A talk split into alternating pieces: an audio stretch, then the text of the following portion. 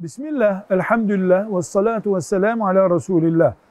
İslam dininin insanlara tanıdığı hürriyet, hürriyet, serbestlik hangi dairelerin içinde duruyor? Yani ne kadar bu hürriyet? Cevap olarak diyoruz ki üç daireyi aşmayacak hürriyet. Bir, İslam toplumunun kurallarını, Allah'ın çizgilerini aşmayacak. İki, ikinci bir insanın hürriyetine baskı getirmeyecek. Üç, birey kendi bedenine ve geleceğine zarar olan bir şeyi yapmayacak. Bu üç dairenin içinde kaldığı sürece insan hürdür, hürriyetini yaşayabilir. Velhamdülillahi Rabbil Alemin.